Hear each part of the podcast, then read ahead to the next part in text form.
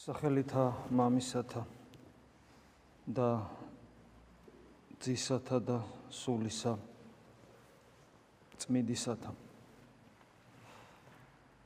ჩვენ რაც მეტს ვიგებთ სულიერ ცხოვრებაში რაც მეც სწავლობთ კითხულობთ მით მეტი პასუხისგებლობის წინაშე ვდგებით. თქვენ ჩვენ დღეს სახარებაში აღმოვიკითხეთ რომ ციგნობარი, ანუ მწოდნე ადამიანი. მწოდნე ამ შემთხვევაში გასაგებია ქრისტიანობაში განსწავლული ადამიანი, რომელიც დაემოწაფება სასუფეველს, ის თავის საუნჯისგან ამოიღებს ძველს და ახალს. ანუ და მამები განმარტავენ გადაწმინდა იონე ოქროპირი, რომ ეს გარჩევა ძველისა და ახალის ნიშნავს იმას, რომ ადამიანს იმ ცოდნიდან რასაც იღებს, და რომელსაც იყენებს პრაქტიკაში და პრაქტიკაში თუ არ იყენებს, რამ განარჩია ძველი და ახალი. და თუ არ არის ძველი, არ არის ახალი, ანუ თუ არ ხდება განახლება, მაშინ არ ძველი არ არსებობს. და თუ ძველი არსებობს, ესე იგი ახალიც არსებობს. ანუ ჩემი ცოდნა გადასული პრაქტიკაში პრაქტიკულ ღვთისძიებაში განაპირობებს იმას, რომ მუდამ განახლება ხდება, აი როგორც პავლე მოციქული საუბრობს, რომ ადამიანი წარემარტება დიდებითი დიდებად. რას ნიშნავს დიდებითი დიდებად? როცა დიდე, როცა ადიდებს ის ღმერთს, ის თავის ცოდნით და სულიერი ცხოვრების პრაქტიკით ადიდებს.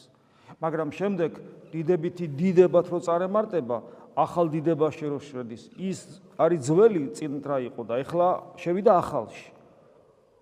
მაგრამ აქაც და იქაც მას ცოდნა ქრისტიანული, იყო რა ამ ცოდნაში, ამ ცოდნაში, მასში ცოდნა პრაქტიკაში გადმოღრილი, აი ასე დინამიკას ატარებს. რა შემთხვევაშია შესაძლებელი? ეს იმ შემთხვევაშია შესაძლებელი, როდესაც ასევე დღევანდელ სახარებაში ვკითხულობდით, როცა ადამიანს შეუულია რომ დაინახოს ცხოვრების საზრისი თუ რა არის მთავარი. და გახსოვთ ეს ორი გავურის სახე. თქვათ, რაღაც ვიფასი განძი, სადღაც მიწაში დაფრული, რომლის გამოც ყველაფერს გაყიდის, რომ ის ადგილი იყიდოს და ის განძი ამოიღოს, ან უზურფასესი მარგალიტი, რომლის გამოც ვაჭარი ყველაფერს გაყიდის, რომ ის ერთი მარგალიტი შეიძინოს. ჩვენთვის ეს განძი და ეს მარგალიტი ესუ ქრისტეა. და ჩვენ და კონდეს მზაობა, რომ ყველაფერი დავთოთ, დავთმოთ მისთვის, სიცოცხლის ჩათვლით. ამაზე ლაპარაკიც კი არ უნდა იყოს, იმიტომ რომ რა არის სიცოცხლე ქრისტეს გარეშე? სიცოცხლე ქრისტეს გარეშე არაფერია. ადამიანი ქრისტეს გარეშე მოსიარულე გვამია, არც მეტი, არც ნაკლები. რომელიც თავის სახელს გაამართლებს ძალიან მოკლე ხანში. ასე რომ თუ ადამიანს აი ეს ცხოვრების საზრისი აქვს, და თუ მიზნით ცხოვრობს და ეს მიზანი ამ სოფელში მიუღწეველია აა სისრულით და სისავსით, თორე ის ამავე დროს მიღწევადია. რატომ არის მიღწევადი? იმიტომ რომ აა ქრისტიანი მარადიული ღმერთი, რომლისაკენაც ჩვენ არათუ ამ სოფელში მარადისობაში უნდა ვისწრაფოთ. ამიტომ იგი მიუღწეველია. მაგრამ ამავე დროს იგი მიღწევადია ამ სოფელშივე იმიტომ რომ იგი თან გზა არის გზაც ქრისტეა და ის ის ის მიუღწეველიც ქრისტეა ამიტომ ჩვენ ამ სოფელშივე ქრისტეთივ ცხოვრობთ და ქრისტეთივ სუნთქავთ ჭამთ სვავთ გძინავს ვიღვიძებთ და რასაც არ უნდა ვაკეთებდეთ იგი უნდა იდიდებოდეს ეს არის ქრისტიანობა. აი როდესაც ადამიანი აა ამგვარად ხედავს თავის ცხოვრებას. მაშინ რა თქმა უნდა იგი თავის წოდნას სწორად იყენებს. მეორე მხრივ თუ თუ არ იყენებს, მაშინ ის იგი უდიდესი პასუხისგებლობის წინაშე დგება. ჩვენ, როდესაც ქრისტიანები გავხდით, ერის ადამიანები გულისხმობთ, მაგრამ რა თქმა უნდა თავისთავად ცხადია, განსაკუთრებული პასუხისგებლობა აქვს სასულიერო პირებს. იმიტომ რომ მას მათ სასულიერო პირებს მარტო საკუთარი თავის აა გაზღოლა არ ევალებათ. მას მათ ევალებათ როგორც პეტრეს ეუნება უფალი დამწყზე ცხოვარნი ჩემნი. აი ეს ევალება ყველა სასულიერო პირს. ეს მას უნდა თუ არ უნდა. და როგორ დამწყსავს იგი ქრისტეს ცხოვარს ხანდახან ხანდახან გვეშლება და გგონია რომ ეს ცხოვარია ჩვენთვის სათქმელი. ის ქრისტეს ცხოვარია და არა ჩვენი ჩვენიდან ადამიანი ამ სახელს არ იმსახურებს. ბუნებრივია. ეს არის ქრისტეს ცხოვარი. და ეს არის მისი ეს არის დავალ ეს არის პრინციპში აი როგორც პეტრე პეტრე პეტრე პეტრე ღალატობს უფალს და მე უფალი უფალი სამჯერ ეკითხება გიყვარ ვარ პეტრე და ვინ არ არის მოღალატე ჩვენ შორის უფლისა და შესაბამისად ვისაც ფსურს ეს დიდი მსახურება მღვდლებზე ვამბობ მაშინ ეს სიტყვები გიყვარმია ჰეუფალო მიყვარ შენ დამცე ცხოვარნი ჩემნი აი ეს ყოველას ყოველას ყოველას სასულიერო პირის დავალებაა და როგორ უნდა მოხდეს ეს თუ ადამიან მარიცის მღვდელ მარიცის საით უნდა წავიდეს და მღვდლისათვის არ არის აი ეს მარგალიტ და ის განძი ცხოვრების საზრისი, რომლისათვისაც ყველაფერი უნდა დათმოს, ყველაფერი. და იმ ყველაფერში იგულისხმება ჩვენი ვნებიანი მიდრეკილებები და განსაკუთრებულად იგულისხმება სიამაყე და ამპარტავნება. სიამაყე, ამპარტა. სიამაყე, ამპარტავნება მის როგორც კერძო გამოვლინება, პატივმოყვარეობა და ასე შემდეგ. და აი აა პასუხისგებლობა არის ჯვარი. საერთოდ ჯვარი ხშირად ჩვენ გონია რომ ჯვარი მაინდა-მაინც რაღაცა რო გტკივა და განსასწრელია ეს არის. ეგეც არის თავისთავად ცხადია. მისი ღირსეულად ტვირთვა. მაგრამ ერთ-ერთი ჯვარი ჯვრის ერთ-ერთი ჯვრის ერთ-ერთი გამოხატულება, გამოვლენა ანის რაც განსაკუთრებულად ჯვარს ამძიმებს ეს არის ჩვენი პასუხისგებლობა რომელიც გვეკისრება როცა ხვდებით ქრისტიანი. და განსაკუთრებულად პასუხისგებლობა, როცა ქრისტიანი ხდება სასულიერო პირი. და აი ჩვენთვის დიდებული мама ემილიანე სიმონა პეტრელი, ეს უდიდესი მოღვაწე მე-20 21 საუკუნისა, რომელიც აი სხვადასხვა წმინდა წმინდათა მიერ დანატოვარს თავის თავში აერთიანებს. მაგალითად, მას ქონდა მეგობრობა აა ღირსი мама იუსტინე პოპოვიჩის მემკვიდრეებთან, მას ჰქონდა მეგობრობა ღირსი мама სილვან ათონელის მემკვიდრეებთან, მას ჰქონდა მეგობრობა, სულიერ მეგობრობას გულისხმობ. აა ღირსი мама იოსები სიკასტის მემკვიდრეებთან, აი თავის თავში აერთიანებს, მე თვითონაც ბუნებით რაღაცა აი საოცრა საოცარი ადამიანი სულ ვაქებ, იმიტომ რომ არ შემილია როცა თქვა მის სახელს არ მოვიხსენებ, არ შევაქო და ის ამბობს, რომ აა სანამ ჯვარს იტვირთავ, ქრისტიანს მიმართავს. მანამდე იცოდე რომ შენში არის რაღაც ისეთი, რომელსაც უნდა მოერიო, ან მასთან იბრძოდე და ეს არის ჩვენი ვნებები. და განსაკუთრებულად ვნება პატიმოყარეობისა და ამპარტავნების. ჩვენ თუ არ ვებრძვით ჩვენში პატიმოყარეობის და ამპარტავნების ვნებებს, ჯვარზე არ ახვიდე, ესეთ რამეს ამბობს. ანუ ჯვარი და ჯვარზე ასვლა, ხო გარკვეულწილად ქრისტიანობა ხო ჯვარზე ასვლა და იმ ღუდლობა არის ჯვარზე ასვლა. და გვაფრთხილებს ეს არ გააკეთო. ფათაშორის ამ თემებს ძალიან ხშირად ეხება ხოლმე პავლე მოციქული სხვადასხვანაირად. მე ფიქრობ აი დღესაც დღევანდელს საკითხავშიც ეს არის ისევ პირველი კორინთელთა მიმართ პირველი ეპისტოლეს მეოთხე თავი გარკვეულწილად ამას შეეხო პავლე მოციქული. როდესაც იგი ამბობს რომ თანამედროვე ქართულად თვითონ კონტექსტიდან ამოღებულია, იმიტომ რომ ყოველ დღეს ადაგ დღეებში თანმიმდევრობით იკითხება, თქვა 60 ქულო და რაღაც კონტექსტიდან ამოვარდნილი შეიძლება იყოს, ამიტომ ეს მე შეიძლება თქვენ ნახოთ თუ დაგაინტერესებთ, ეს არის პირველი კორინთელთა მეოთხე თავი და დღეს ჩვენ ვკითხულობდით, რომ აა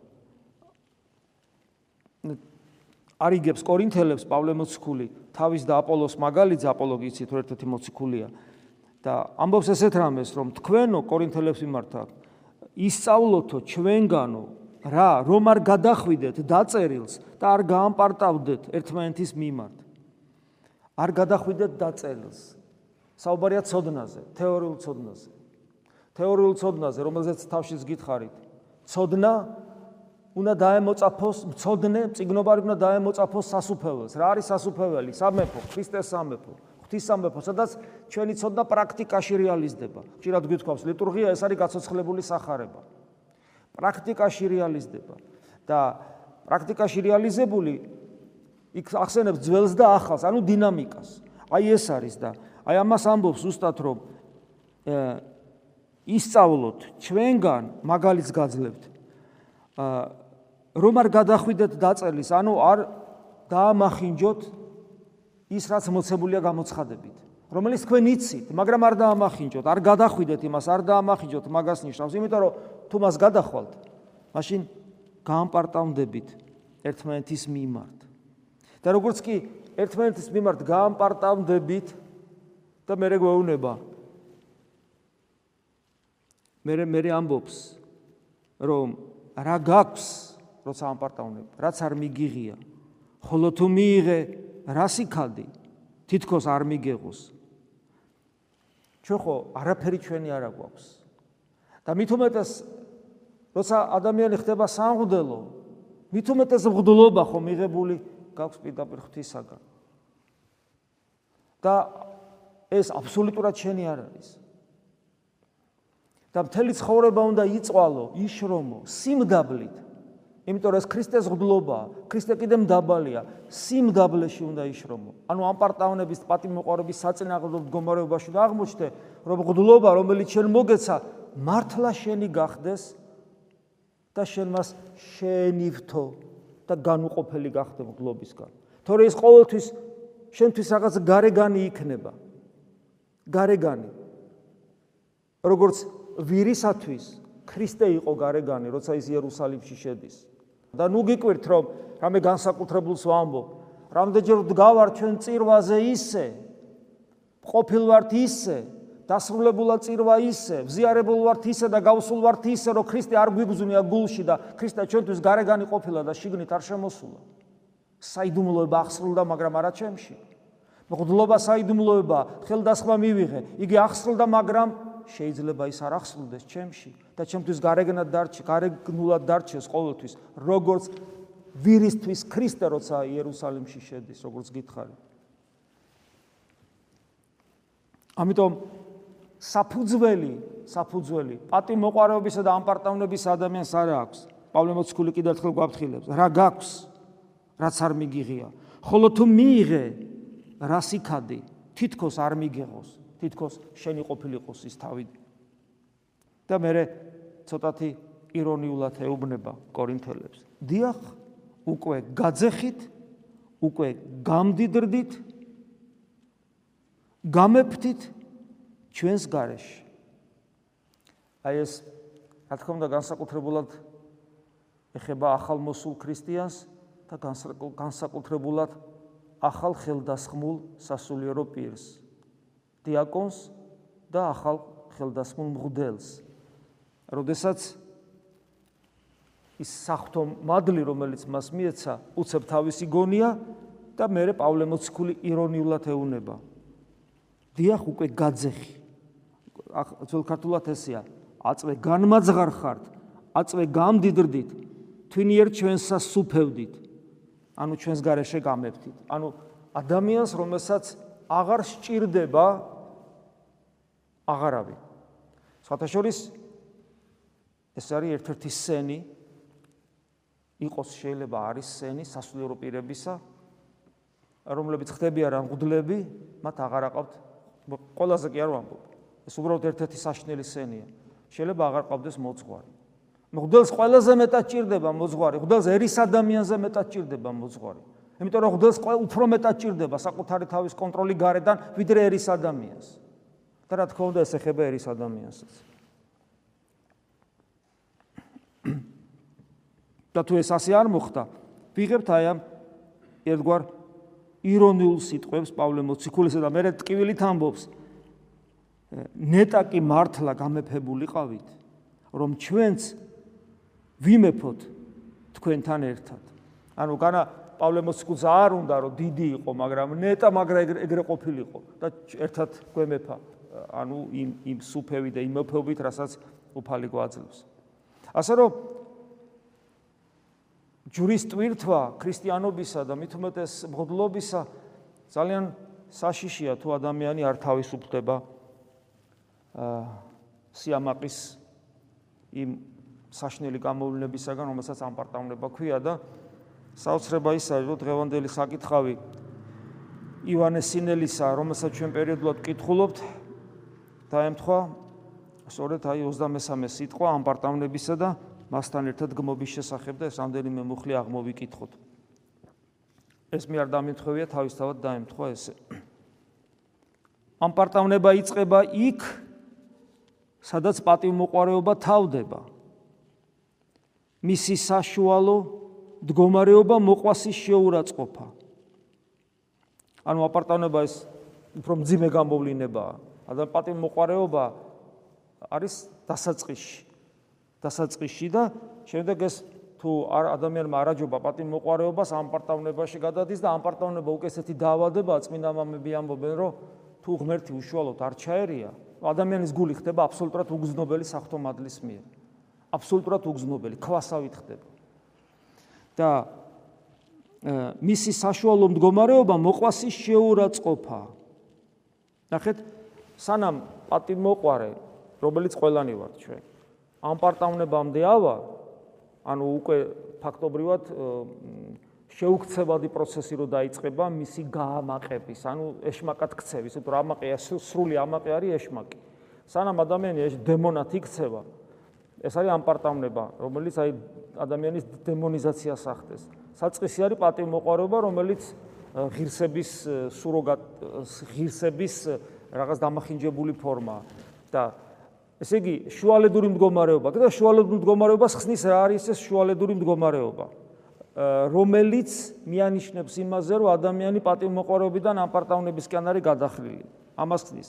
მისი საშუალო მდგომარეობა მოყვასის შეურაცხყოფა როცა ადამიანს ადამიანი აგდებულად ექცევა მოყვას საკუთარი შრომის უსირცხვილოდ წარმოჩინება.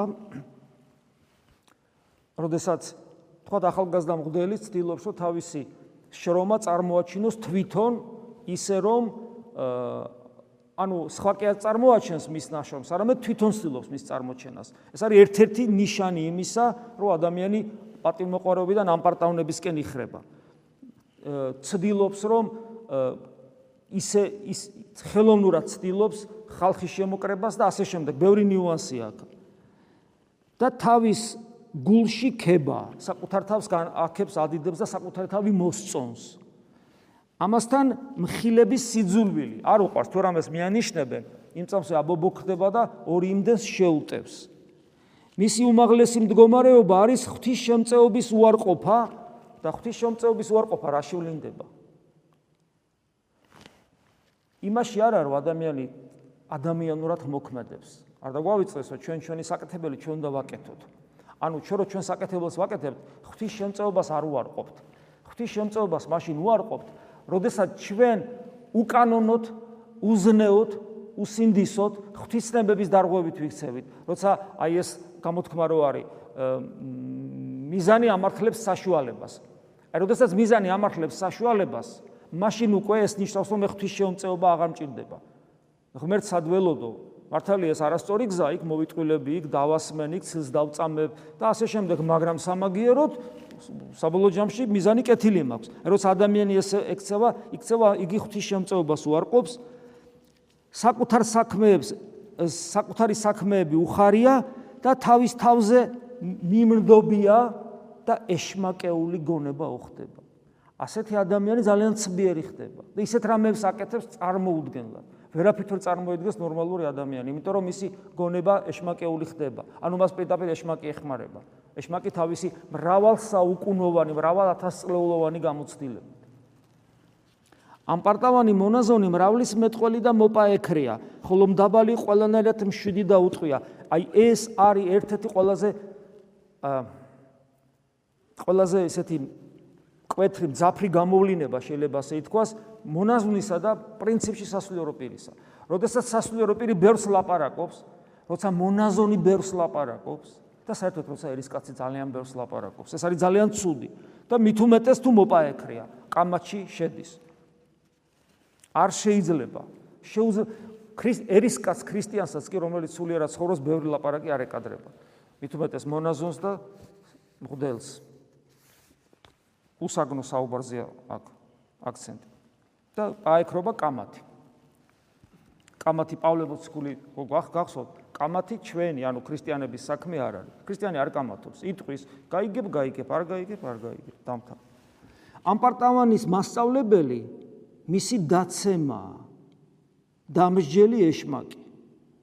ანუ როცა ადამიანი ამპარტავანია, ის ეცემა და დაცემა შესაძლებელია, რომ მისთვის გახდეს ჭკუის მასწავლებელი. ამ გაგებით შეიძლება იყოს ეს თუ არ ვცდებ. აა თარგმანიც ხო ისეა ცოტა ეს ადრეს გითხარით თუ თარგმანი ვერ არის კარგი თლად ეშმაკის ჯის ასეთ ადამიანს საერთოდ როცა ადამიანი სწორად ცხოვრობს მიუხედავად იმისა რომ იგი ცოდავს ყველა ყველა ცოდავს და ცოდვას ყოველთვის მოყვება გარკვეული განსაცდელი ჩვენ არ არ შეგვიძლია ვთქვათ რომ ეს ადამიანი დასაჯა ღმერთმა ან ეშმაკმა მოდის განსაცდელი გარკვეული მიზეზის გამო რომ ადამიანი ამ განსასწრებით კიდევ უფრო გამოიწრთოს, მაგრამ ვერ ვიტყვით რომ ეშმაკმა დასაჯა ეს ადამიანი. აი იობიც კი, სადაც კი ეშმაკი მას რაღაც საშნელებებს უკეთებს, იქ იმის უკან ღმერთი დგას, იობის ეშმაკის უკან ღმერთი დგას და იობი რომელიც რომელმაც ეს უმძიმესი განსასწრები გადაიტანა, იყო რამ სმენელი ღვთისა ამ განსასწრებებს მე იგი გახდა მჭრეტელი ღმერთისა, ძალიან გაიზარდა სულიერად იობი. ამაში ღვთის საოცარი სიბზნე და განგებულება იყო. მაგრამ აი ამ შემთხვევაში დამსჯელი ეშმაკი, აი იუდას ეშმაკის ჯის. ეს არ არის გამოსასწორებელი დასჯა. ეს არის მართლა სასჯელი, მართლა სასჯელი, მომაკვდინებელი სასჯელი. და შემდეგ განდგომილობის ხოლო ღვთისაგან მის განდგომილობის სენს შეშლილობა და სრული გაცოფება ამ ხელს. ანუ ხდება მე სრული აშლილობა, სრული გაცოფება. გაცოფება ნიშნავს გასულელებას ბოლომდე. ბოლომდე უგუნური რო ხდება, ბოლომდე არაადეკვატური. ვერაფერს ვეღარ იგებს, აბსოლუტურად არაადეკვატური ხდება. და მე ამბობს ასეთებს როცა უკვე სრული გაცოფება ხდება, ადამიანი ვეღარ განკურნავს, ადამიანი ვეღარ დაეხმარება. ხოლო ის როცა ჯერ კიდე დაცემა ხდება და ისჯება თქვა ბოროტისგან ისჯება ხო? როცა ადამიანს ტკივა ტკივა დასჯილია დაცემულია იქ შეიძლება კიდე ადამიანი დაეხმაროს. ხოლო როცა ადამიანს უკვე გონება ერთმევა იქ უკვე დამთავრდება. ამიტომ როცა ადამიანი ხიბლის მერე ცოდვებში واردება ხშირ შემთხვევაში მას მერე გონებაც ერთმევა ფსიქიური შეშლილობა ეწყება და იქ უკვე ძალიან რთული არამე გააგებინოს ვინმე ვისაც მხილება აღაშფოთებს და გაურბის მას თვითონვე ადასტურებს რომ ვნებითაა შეპყრობილი, ხოლო ვინც მხილებას მიელტვის ჩანს რომ ვნების ბორკილები და გათავისუფლებულია. ანუ ეს ერთ-ერთი ნიშანი თუ ადამიანი განიკურნა ამხილეს და მიიღო და დაითმინა. ხოლო აღშფოთდა შემოუტია მამხილებელს, ესე იგი მის საქმე ძალიან ცუდად არის. ამპარტავან მონაზო ეს არის საოცარი გამონათქვამი, რასაც ახლა წავიკითხავ. ამპარტავან მონაზონს ეშმაკი აღარ სჭირდება. რა თქმა უნდა, ეს ეხება მონაზონზია, ბუნებრივია, იმიტომ რომ იონესინელს თხოვეს მონაზონების ის დაეწერა, მაგრამ მეორე მხრივ ქრისტიანებსაც გვეხება ეშმაკი ჩვენს გვერდზით გამოგვიცდია და მით უმეტეს სასულიერო პირებს თავისთავად. ამ პარტავან მონაზონს ეშმაკი აღარ სჭირდება, რადგან იგი თვითონ არის მტერი და მოწინააღმდეგე საკუთარი თავისა. ხშირად გვითხოვს ხოლმე ურწმუნო ადამიანის ახლობელი მოდის და ამბობს: აი მე ესე იგი რა რა რა გვეშულება ჩემს ახლობელს თქვათ ჯადო გაუკეთეს ან რაღაცა ესეთი ან აი რაღაცა რაღაცის გაკეთება უნოდეს მისი საშიში ხوارანი მისი სულისათვის. და ასე შემდეგ. ვეკითხები მორწმუნეა? ქრისტიანულად ცხოვრობს არა ხოლო ვეუბნები. ის უკვე თავის თავის ეშმაკიც არის თავის თავის სასჯელიც არის და უქრისტეო ადამიანი სრული კატასტროფაა და ხა იმას ვინ რა უნდა დაუშავოს, იმაზე მეტი რასაც საკუთარ თავს საკუთარ თავს უშავებ. როცა შენ ისე ცხოვრობ, ქრისტე არ გინდა, ვინ უნდა დაგიშავოს ამაზე მეტი? არ არსებობს სამყაროში ეშმაკი, რომელსაც უფრო მეტის დაშავება შეეძლო შენთვის, ვიდრე შენ თავს უშავებ, როცა ქრისტეზე უარს ამბობ. და ეს დახლობით ეგეთი რამე აქვს, ამ პარტავან მონაზოს ეშმაკი აღარ ჭირდება. ოდესღაც ეს უგუნური მაცტური საუბრობს ამ პარტავნებაზე, თვითონ იონესინელი. ანუ თითქოს ცოცხალიაო რა ამ პარტავნება. ეს უგუნური მაცდური სიმდაბლით ვტანჯე. გასაგებია სიმდაბლეს აწენააღმდეგო სათნოება. ეს ბოლო მუხლია. და გამოვკითხე თუ რომელი კარით შემოვიდნენ ჩემში ეს ამ პარტავნების ეშმაკები რომელი კარით შემოვიდნენ ჩემში? მიპასუხეს. ჩვენ ზეცაშიც კი შევძელით უთანხმოების ჩამოგდება გახსოვთ ხო ეს რომ უმაღლესი ქერუბიმი რო გაამპარტავნდა და ღმერთს დაუპირისპირდა და ეშმაკად გადაიქცა. ჩვენ ზეცაშიც კი შევძელით უთანხმოების ჩამოგდება და შენ როგორ დაგვემალები? მონაზონს ეუნება და ქრისტიანს. მხოლოდ ერთი რამ არის რასაც ვერ ვამარცხებთ და იმას გეტყვით. თუ ღვთის წინაშე გულწრფელად მხოლოდ საკუთარ თავს ამტყუნებ. შენს წინაშე ობობის ქსელივით დამდნარს გვიპოვი ეს არის საოცარი სიტყვები. კიდევ ერთხელ გავიმეორებ. მხოლოდ ერთი რამ არის რასაც ვერ ვერ ვამარცხებთ და ამას გეტყვით. თუ ღვთის წინაშე გულწრფელად მხოლოდ საკუთარ თავს ამტყუნებ შენს წინაშე ობობის ქსელივით დამდნარს გვიპოვი. ეს არის საკუთარი თავის ბრალობის, მაბრალობლობის სათნოება, რომელსაც ყველა წმინდა მამა წერს, ამის გარეშე ქრისტიანობა არავითარ შემთხვევაში არ გამოუვა არავის. შეუძლებელია. არ მიგიშვებს ეშმაკ ქრისტემდე თუ აი ეს სათნოება არ გამოვლინდა. ჩვენ ხშირად საუბრობ სიმდაბლეზე, სიმდაბლეს განმარტება ხო შეუძლებელია რა არის სიმდაბლე და მას აქვს სხვადასხვა გამოვლენებები თვისებები ერთ-ერთი თვისება ეს არის საკუთარი თავის მაბრალობობა რაღაცა შეგხვდება თუნდაც უსამართლოდ მაგრამ უნდა იცოდე რომ რაღაცის გამო ღმერთმა ეს დაუშვა და ეს რაღაცა არის შენი ბრალეულობა შეგვეციო სუფალი და დაგვიფაროს ამ პარტავნების მძიმე სენისგან რომ ღირსეულად გვეტვირთოს ჩვენი ჯვარი დიდი და ლამაზი ოქროს ჯვარი ქრისტიანისა. ამინ. მადლი უფლისა ჩვენისა იესო ქრისტესი და სიყვარული ღვთისა და მამისა და ზიარება სულისა წმინდისა იყოს თქვენ ყოველთა თანა. ამინ